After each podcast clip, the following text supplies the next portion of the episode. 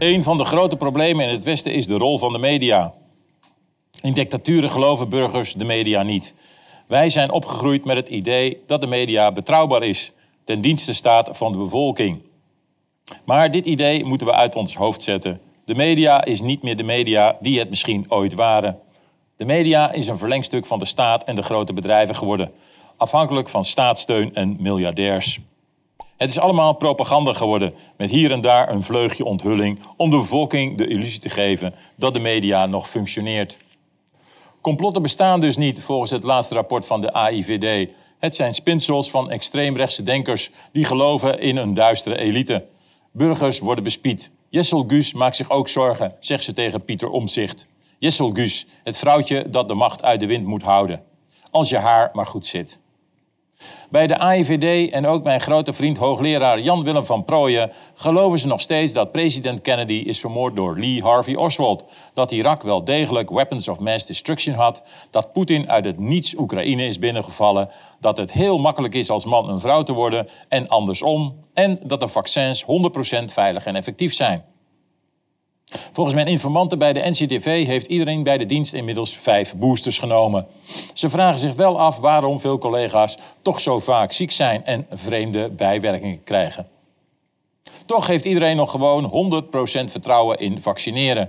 Tenminste, volgens mijn informanten die bij de NCTV werken. Het kan natuurlijk zijn dat ze desinformatie verspreiden. Daarom hou ik hierover nog een slag in de, om de arm.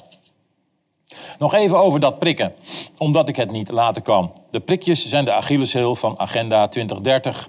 De maniacale prikdwang heeft de kwaadaardigheid van Agenda 2030 het meest zichtbaar gemaakt. Daarom altijd weer de vraag: is everybody nog happy met de prikjes? Het is oorverdovend stil over de vaccinaties. Er wordt niet over gesproken. Maar waarom niet? Ze waren toch fantastisch. Er zijn ineens meer hersenbloedingen onder jongeren. Het schijnt te komen door hun drugsgebruik. Volgens mij was dat in de jaren 80, om maar een decennium te noemen, vele malen groter. Waar zijn de blije BN'ers gebleven die kerend van geluk in koor riepen: Ik ben geprikt, Pfizer, zo blij. Ik ook, AstraZeneca, eindelijk weer vrij.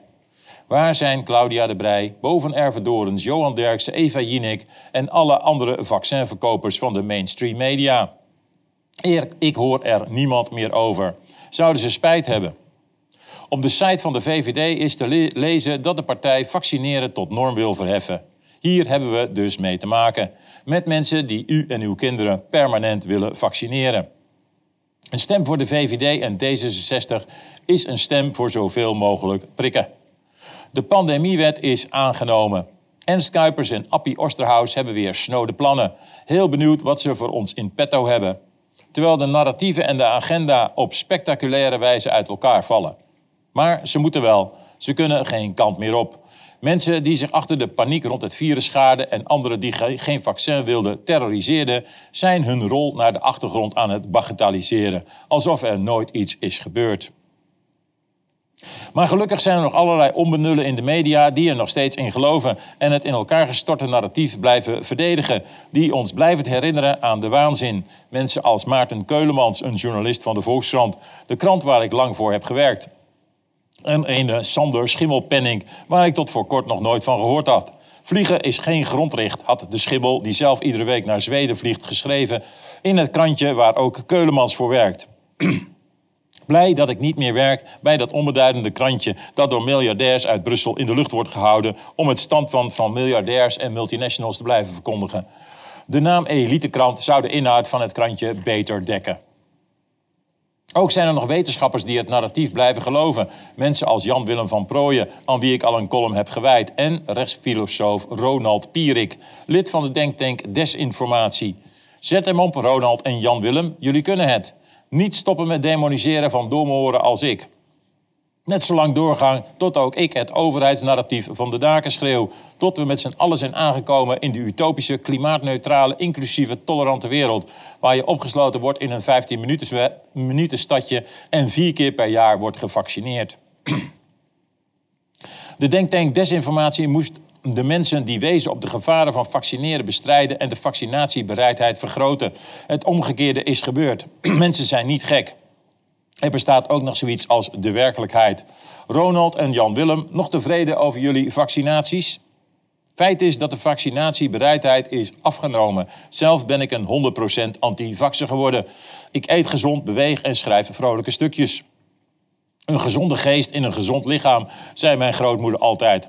Gaat deze simpele spreuk van mijn grootmoeder het uiteindelijk winnen van de miljardenverslindende propaganda van de staat voor meer vaccinaties en kunstmatig eten uit de fabrieken van de multinationals? Is dat allemaal wel zo gezond?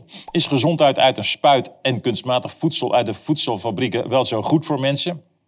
Is dit de tweede Achilleshiel van de macht? Fake gezondheid propaganderen?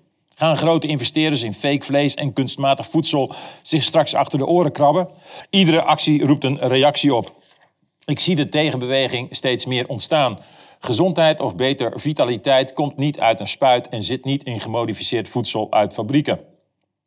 Als ik een grote investeerder was, zou ik mijn geld zetten op echte gezondheid.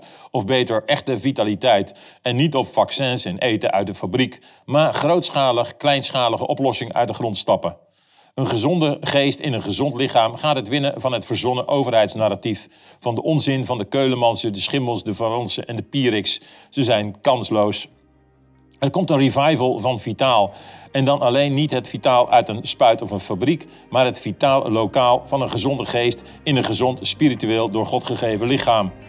De linksdraaiende, yoghurtetende, non-binair veganisten van GroenLinks en zelfs D66 gaan dit ook inzien. Uiteindelijk gaan zij en de door de NCTV bedachte rechtsextremisten elkaar hierin vinden. Lokaal, vitaal.